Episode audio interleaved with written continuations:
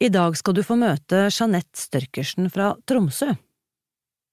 I fjor feiret hun sin aller første jul uten sukker og mel, og nå har hun planen klar for hvordan hun skal gjøre det samme på tirsdag.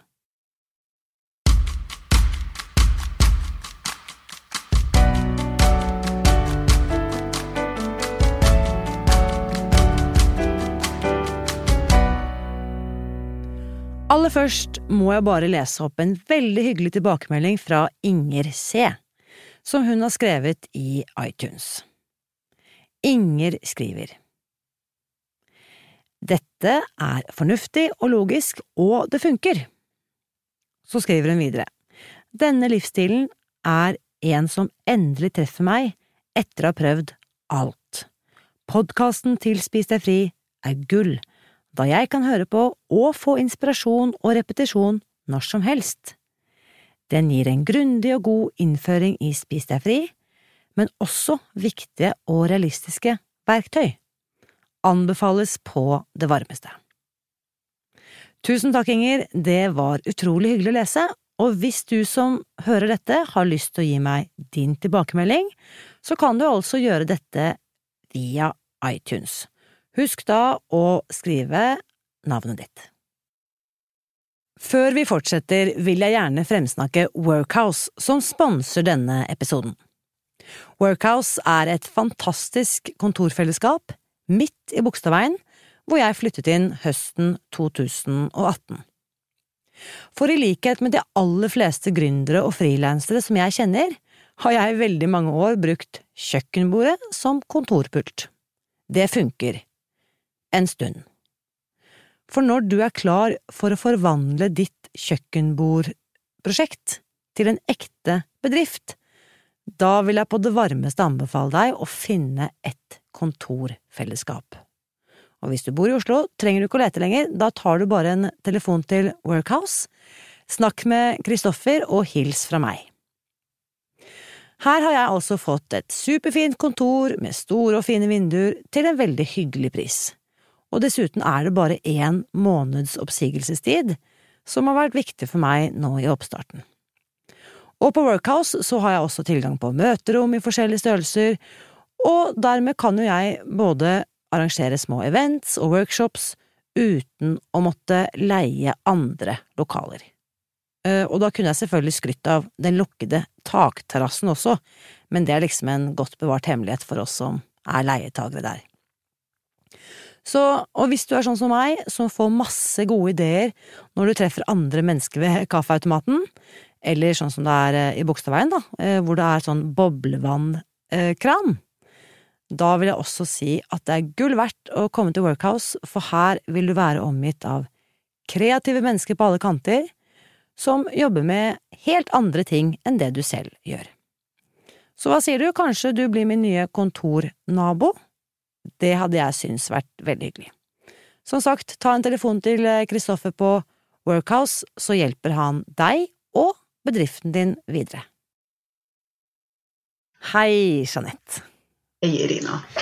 Vi kjenner hverandre jo godt etter hvert. Det er jo to år siden vi var Jeg holdt på å si møttes, vi møttes jo ikke, men det er nesten to år siden du begynte på din Spis deg fri-reise. Ja. Januar, januar 2018. Mm. Men for de som ikke kjenner deg, fortell litt om deg selv. Ja. Um, jeg heter Jeanette, som sagt. Jeg er 40 år. Jeg er bosatt i Tromsø, kommer fra Lofoten, nærmere bestemt Tenningsvær. Jeg har vel hatt et problematisk forhold til mat siden barnehage. Og det som er mitt store dop, er på en måte sukker. Bestandig. Uh, gått til store lengder for å få tak i det her. For at familien min prøvde selvfølgelig å stoppe og begrense mitt inntak allerede når jeg var lita. Og det var ikke en familieproblematikk heller. Um, øvrig familie hadde et normalt forhold til mat, men jeg hadde en vanvittig uh, craving til, til, det søte. Men du, og, ja, for du sier, ja. du sier at ditt store dop er sukker. Har du hatt en har du vært klar over det? Visste du det? Nei. Nei. Det visste jeg ikke i det hele tatt. Uh, at det gikk an å være avhengig av det. Um, Jeg tror jeg ble satt på min første snakkekur da jeg var 11 år, Uh, som var en kaloritellende kur uh, med å begrense inntaket. Som antageligvis har bare gjort det egentlig verre, men det eskalerte og startet, satte i gang en sånn slankesyklus som skulle vare ganske langt inn i livet, og det har jeg har favna bredt i alle kurer du kan finne, og det er ikke bare egentlig matkurer, det har òg vært eh, hypnose og akupunktur og korrigering av atlas og sånn NLP med tapping, og man har liksom Jeg har til og med gått oppsøkt alternativt på healing og, og diverse for å prøve å få bukt med mitt spisemønster. Men min, mitt selv hva skal jeg si, selvbilde, sånn som det sto da, så, så så var det lettere for meg å bare forklare det som at jeg, jeg må bare skjerpe meg. ikke sant? Og det det, det det på en måte medførte, da, det var jo det at jeg ble veldig overpresterende i alle andre aspekter med livet for å kompensere da, for den her manglende spise, spisekontrollen min. Ja, for det er det jeg skal si, du er jo en dame som får til mye. Du har en det, eh, Kan jeg fortelle hva du jobber med? Ja, ja, ja. Det var det. Du jobber som flyveleder på Tromsø lufthavn. Du sitter og styrer disse flyene inn og opp og ned og inn og ut av flyplassen. Dette er jo en jobb som krever eh, høy kompetanse. Eh, du er en kompetent dame. Absolutt. Og, og, Eh, og jeg kjenner meg jo igjen i det. ikke sant? Får til alt, mestrer alt på alle arenaer i livet, bortsett fra den helsikes kroppen og den helsikes maten. Hvor ille var det for deg, holdt jeg på å si, Jeanette? Hvordan, hvordan sto det til med helsa di? Hvordan, hvis vi spoler tilbake to år, desember 2017, hvordan, hvem var Jeanette da? Da var Jeanette ei som var begynt å isolere seg veldig, veldig Jeg vil ikke si deprimert, for det er så altså Den medisinske termen deprimert er en ille term. Det man liksom fikk, det var at man var liksom psykisk ustabil eh, hvis man ble sykemeldt. Men jeg var i hvert fall alvorlig nedstemt og demotivert etter gjentatte forsøk på å, å prøve å få bukt med, med spiseatferden. Jeg hadde ligget for så vidt stabilt gjennom et helt liv på et vektintervall, men i 2012 så kom det der jeg, jeg kunne ikke gå på de skiftene der med å et og et og et, for så å sulte og sulte og sulte. For, for, det som holdt det i sjakk, at du lå liksom på den der vektintervallet og surra eh, mer eller mindre stabilt, det var jo det at du hadde den ekstremkuren som kompenserte for overspisinga. Og det kan meste veldig psykisk opp. Eh, og det hadde jeg da holdt på med kan, skal du skal si, i skal 12 Det hadde jeg holdt på med da i 20 år. da. Og så eh, og etter det sant, så, så, tenkte jeg nå skal, nå skal jeg virkelig gå for moderasjon. Da var det Grete Rode som kom på agendaen. At nå skulle jeg ta den lange, lange veien og, og, ta det sakte ned og, og, praktisere moderasjon. Og da gikk jeg faktisk opp 30 kg. Ja. Ikke, for jeg hadde ikke æren til å praktisere moderasjon. Så du er blant de av oss som har slanket deg tjukk? Ja. ja.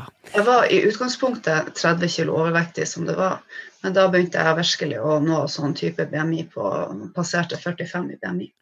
Det var helt fortvilende. Og det som I 2015 begynte jeg å si at jeg, jeg trenger hjelp til helsevesenet. Jeg, jeg, trenger hjelp. Jeg klarer ikke det her sjøl. Jeg, jeg, aner ikke hva jeg, jeg er helt gått opp for, for alternativer. Og det starta jo en reise i helsevesenet som var ond, eh, rystende, og eh, åpenbart at her er det ikke kompetanse. Og det, Nå er jeg kanskje litt stygg, eh, men det var ikke mye kompetanse å spore sånn som jeg skjønte det. Så Ting er at hvis du ikke har diabetes eller høy, høy Høyt kolesterol eller ja, Stort blodtrykk, høyt blodsukker. Hvis du ikke har noen av de her tingene, så havner du ikke først i køen for å få hjelp. Så du hadde da en BMI på 45. Kan jeg spørre hva det tilsvarer i antall kilo? Hva, hva vil det si? 6 kilo var jeg da. Hva sa du? 126, og jeg er bare 1,66 høy. Så Mm. Og du var jo også, jeg har jo sett bilder av ditt gamle jeg, du gikk jo på fjelltopper og var rundt omkring og var superaktiv, så det var jo ikke sånn at du satt på sofaen. du hadde en ansvarsfull jobb og levde et aktivt liv, et aktivt friluftsliv. Så du var rett og slett ikke syk nok. Du var ikke syk ifølge helsevesenet. Jeg var bare tjukk. Eh, og, og, og, så kan man jo tenke at ja, ikke var du syk. Sant? Den psykiske belastningen at det var tungt å være så stor. Men jeg har jo krav til legepapirer i min jobb. Vi har jo medisinske krav i min jobb. Og i 2017 så det har vært en sånn angst Hvert andre år når du skal inn til den legesjekken, har vært altså så forbundet med angst og planlegging et halvt år i forveien at nå må jeg begynne å gjøre noe med vekta og få den ned. for at det, det, er så skamfullt å sitte der og få den beskjeden at du BMI-en din er egentlig i det høyeste laget, og du må på en måte kanskje gjøre noe med det her, og det går jo an å ta et eple istedenfor potetgullpose, og sånne ting. Som er, oppleves Vi mener det jo godt, jeg skjønner jo det er jobben til en lege, men, men du opplever det som veldig nedverdigende.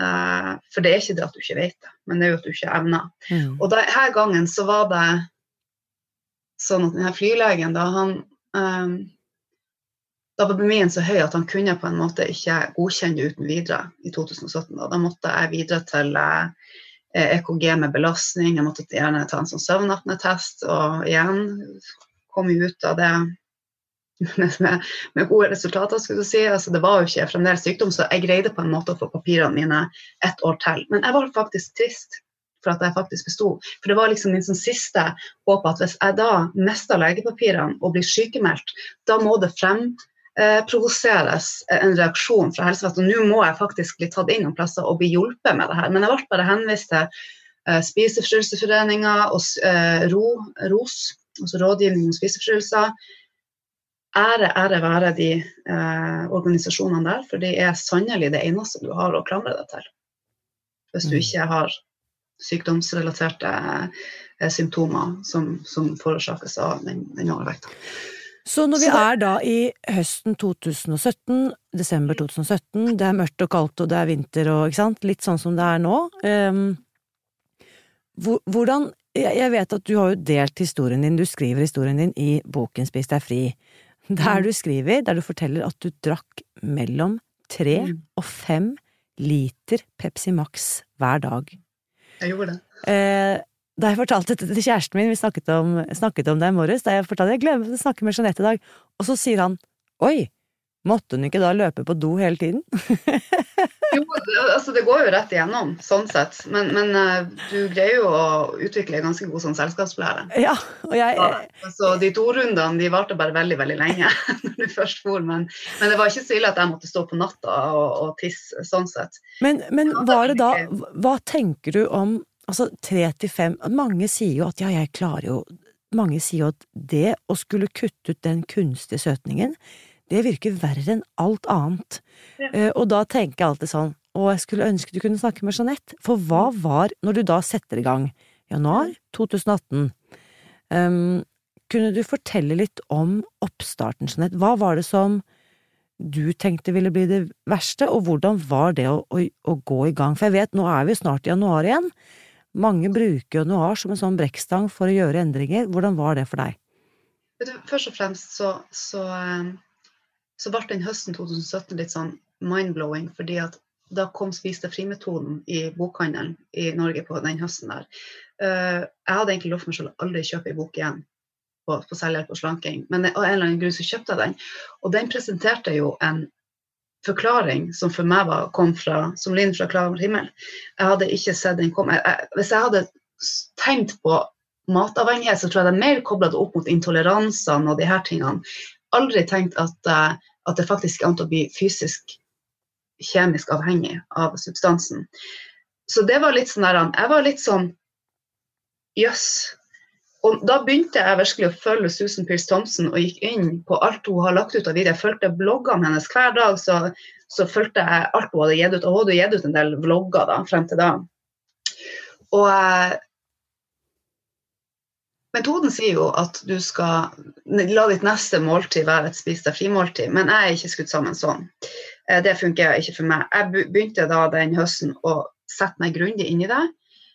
Og det var et sånt ord som hun hadde sagt til meg, eller hun skrev ikke til meg, men som hun hadde sagt i en, en video der hun sa Er du villig til å høre på hva folk som har klart det her, har gjort? Er du villig til å ha et åpent sinn og se hva, hva vi gjør? Og det husker jeg at, at jeg hadde av meg sjøl tenkt at jeg, jeg, er nødt til å angripe det her på en helt annen måte. Den her tradisjonelle begrens inntaket-måten, det går ikke. Så det, det bare ramma noe, eller det, det ga litt resonans i meg, akkurat det hun sa.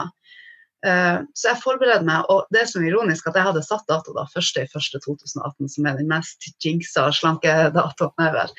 Uh, og den natta der, den nyttårsaften, jeg hadde valgt å feire også alene. Var, det var jo så tragisk, egentlig. Jeg, det var ikke det at jeg ikke hadde invitasjon, men jeg var, jeg var så nedkjørt.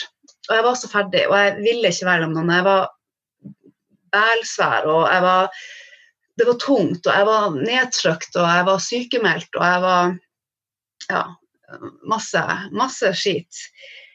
Så jeg hadde faktisk behov for å være alene på den nyttårsaften, og da ja, ta de siste rundene med Pepsi Max og de siste rundene med skumnissene, juleskum, julenisseskum-greiene. og og alt skitmaten og ta sånn siste det, sånn, det blir nesten sånn her, overmåte symbolskrem. Det var liksom det siste måltidet uh, rundt den juletida før jeg gikk over. Og over natta da, så avslutta jeg altså koffein, mel, sukker og kunstig søtning.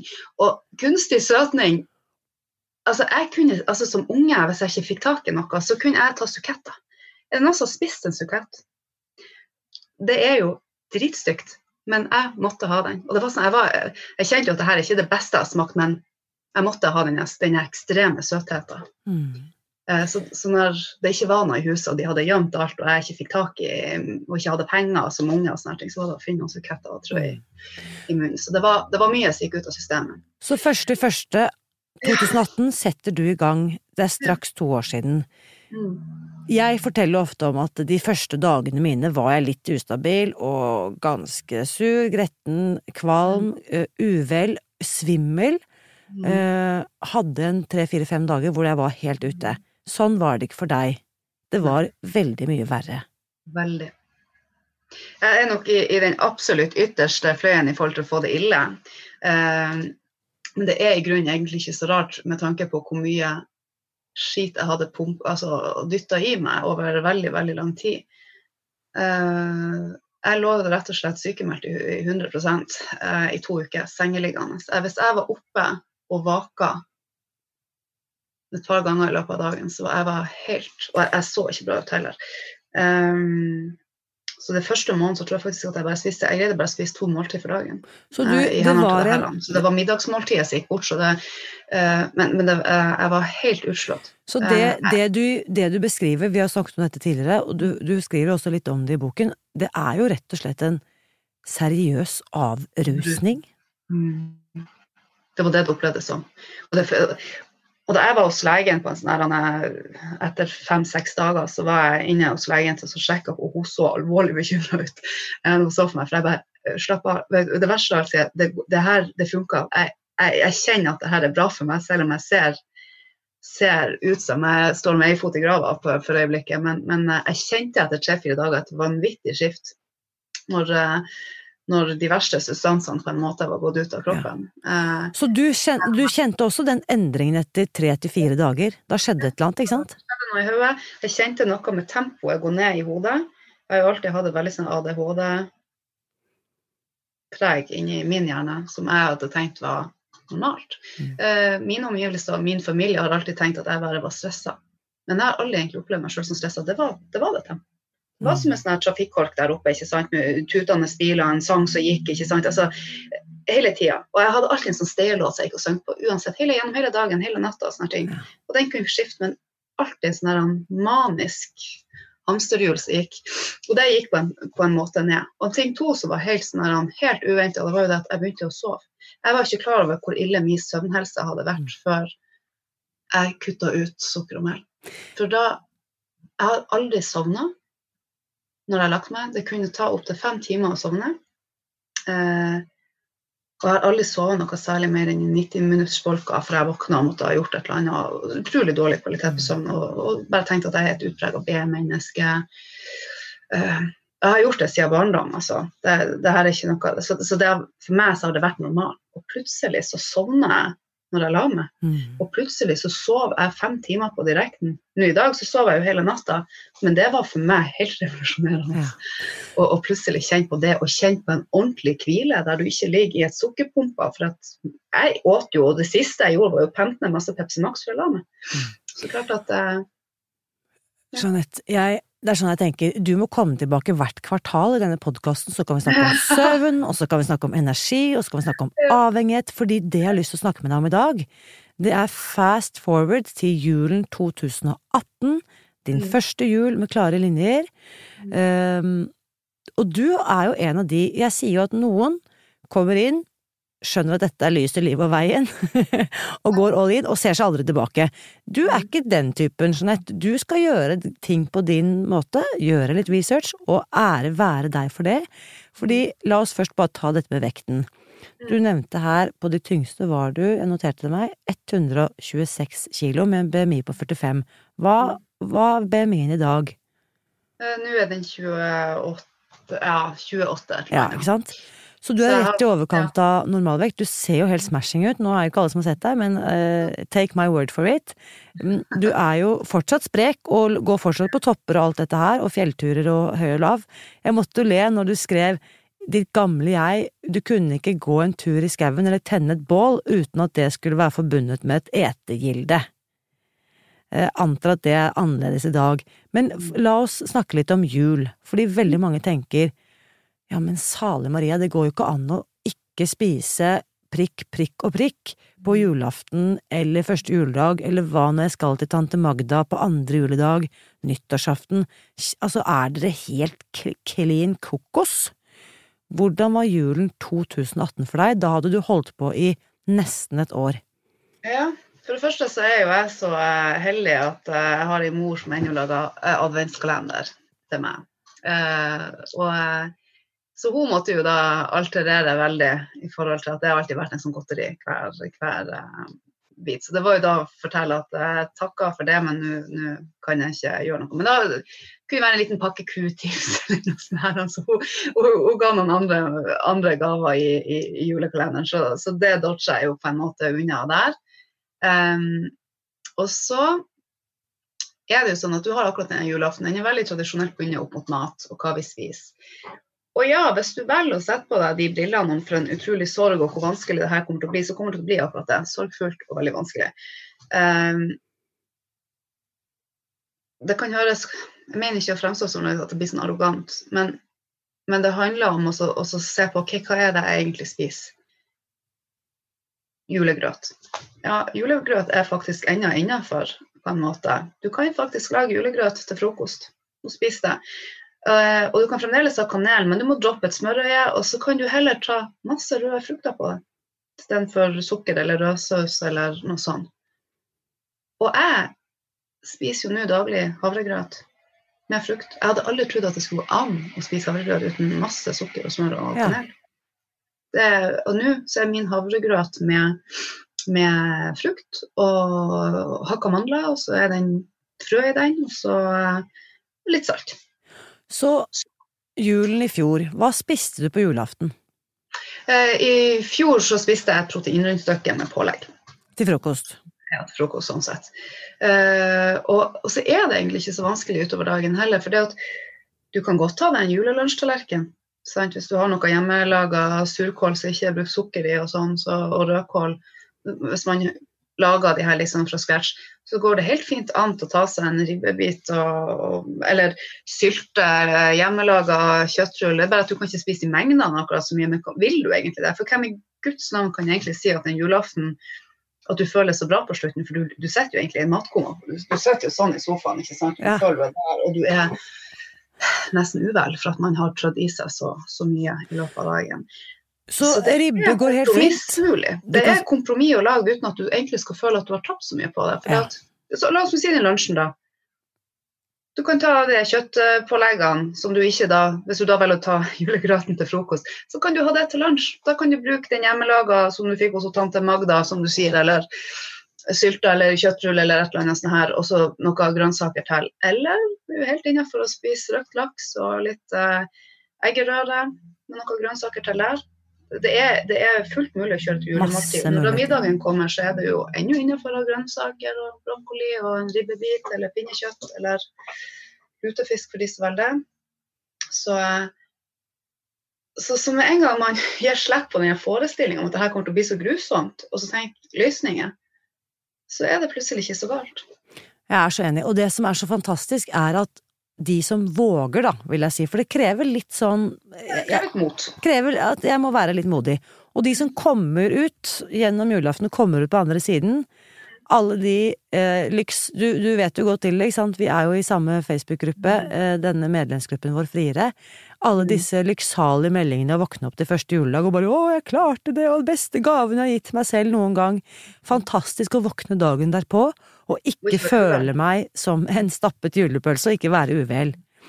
Så hva er planen i år, eh, Jeanette? Når dette spilles inn er det fortsatt litt tid igjen, men dette sendes da et par dager før julaften. Hva er planen din for julaften i år? Nei, I år så blir det faktisk hakket vanskeligere, for at jeg skal være hos andre, en annen familie enn min egen eh, i år, eh, og feire jul der. Så man blir jo litt sånn ting prisgitt deres eh, altså det blir en svigerfamilie, da, eh, tradisjoner. Men jeg vet også at de her er veldig sånn aktive. De drar og tenner bål på julaften ute på en sånn plass og er litt sånn ute og kanskje går på ski og sånn. Og så er de faktisk klar over at jeg spiser annerledes. Så, eh, så min plan er nok mest sannsynlig at jeg tar et proteinrundstykke, og så følger jeg egentlig bare den maten de gjør i de tre måltidene på ja. middagen. Så det er, jeg blir bare å plukke det som jeg kan, for de har masse grønnsaker til maten sin. Og de har de tradisjonelle julerettene, og, og, det greier jeg faktisk å navigere meg fint igjennom. Og jeg, som sagt, jeg har jo vært åpen om at, uh, hva jeg ikke spiser, og hvorfor jeg ikke spiser.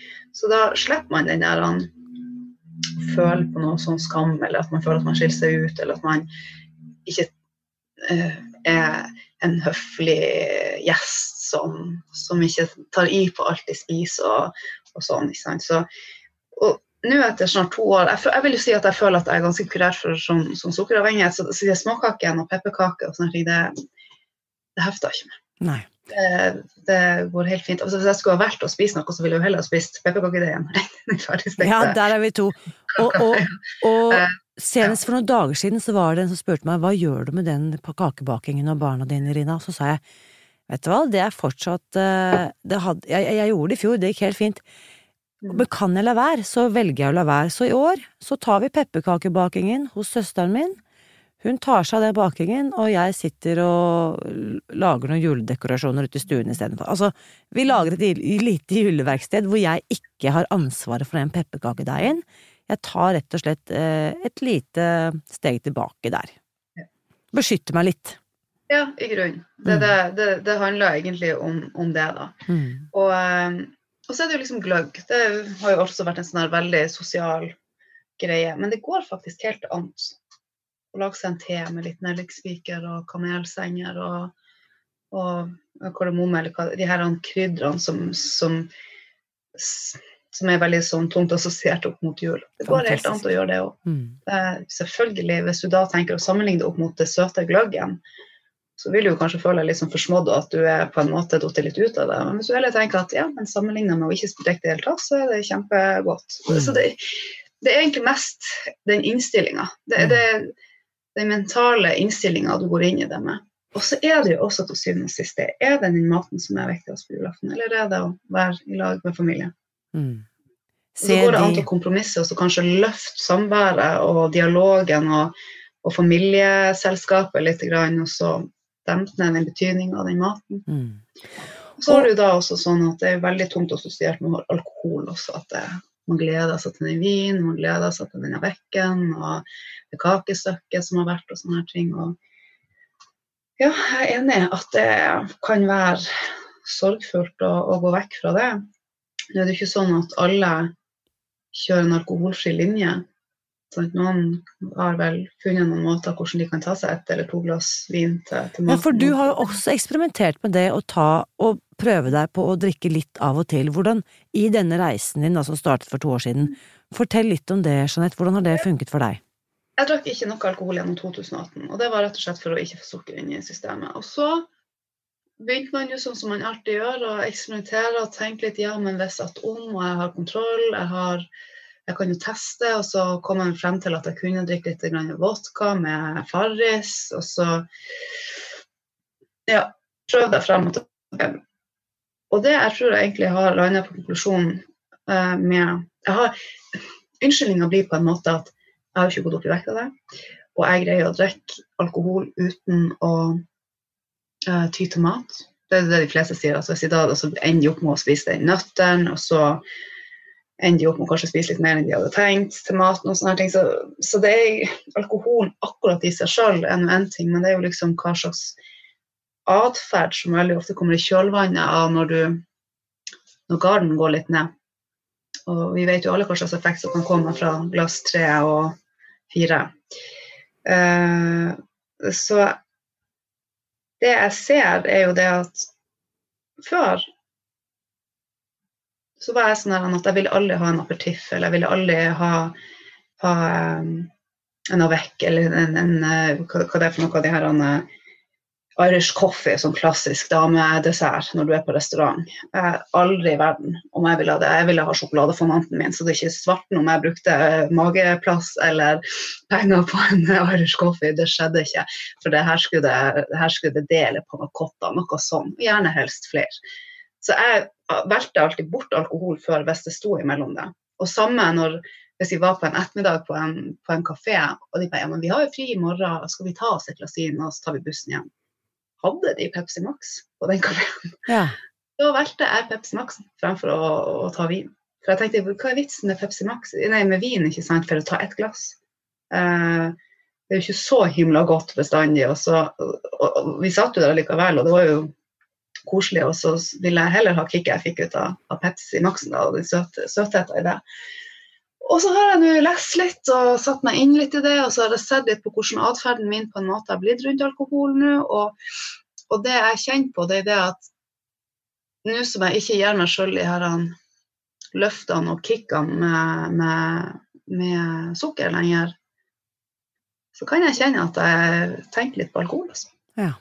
Fordi så ikke... når jeg er ute og spiser, så er plutselig den Irish coffeen blitt litt uh, sexy. Ja, yeah. Så i 2019 har du prøvd igjen med mm. alkohol, Uh, og gjort dine erfaringer rundt det. Mm. Hva er tankene dine for 2020, Jeanette? Hvordan, hvordan går du inn i dette? I oktober så tok jeg beslutninger frem og tilbake og bestemte meg for at jeg blir jo leve alkoholfritt. Og nå er det ikke bare for at det ikke skal være en plass å sluse inn sukker på, men også fordi at jeg ikke skal, altså at jeg ikke skal ty til den eh, rusen eller den døyvinga eller hva det enn måtte være. For jeg skjønner jo at jeg har et veldig avhengig atferd på masse. Og det jeg har sett, er jo det at, at når jeg kutter ut én ting, så begynner man så begynner like å, å, lete etter en annen ting. Og for meg så har det det som egentlig har fått det hardest, er shopping.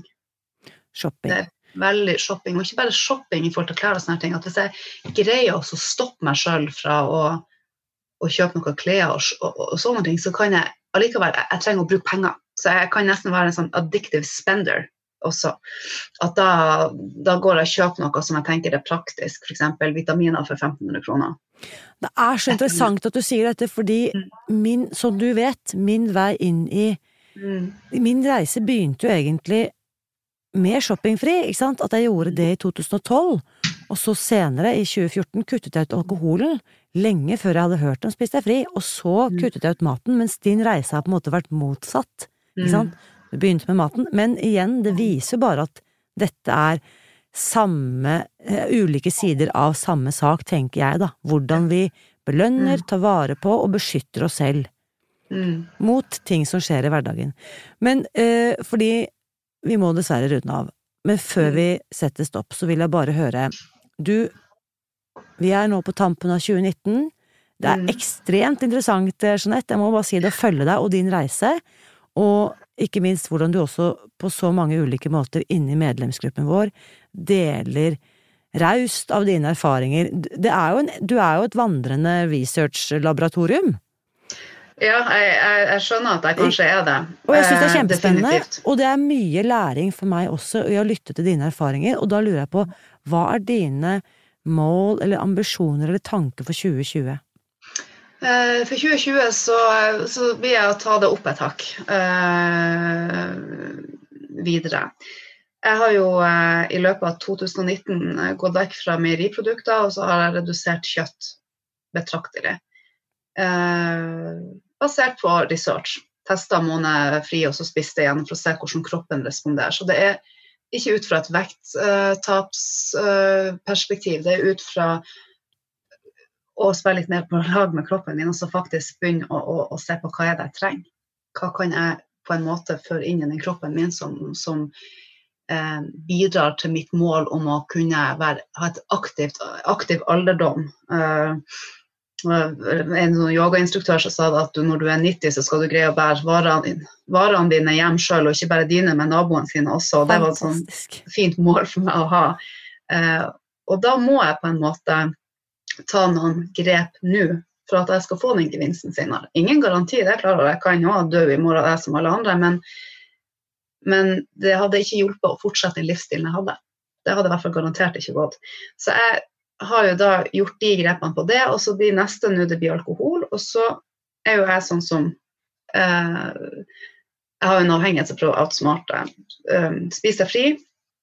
Og eh, Brøtel Eating for den saks skyld, de anbefaler jo ikke eh, dadler for at det er for søtt. Og eh, nå er ikke det så mye, nå er ikke brunost så veldig mye på det amerikanske, da, men brunost er, eh, anbefales heller ikke å spise fri til det norske for at det er høyt med sukker. Mens jeg blir sånn her. Altså Hvis argumentet til Brightline Eating er at det er prosesseringa og raffineringsprosessen som endrer krystalliseringa av sukkermolekylet som gjør at du får en avhengighet, så holder liksom ikke det her mål. Da må jo en naturlig sukker være innafor. Så jeg har jo liksom da rettferdiggjort et inntak av, av dadler og brunost, for det, det er jo ikke omkrystallisert sånn som det er. Så da, det er jo bare tull. Da skal jeg takle frukt, så må jeg jo takle dadler òg. Eh, det gjør jeg ikke. Dette har jeg aldri hørt deg fortelle om. Det, det gjør jeg ikke.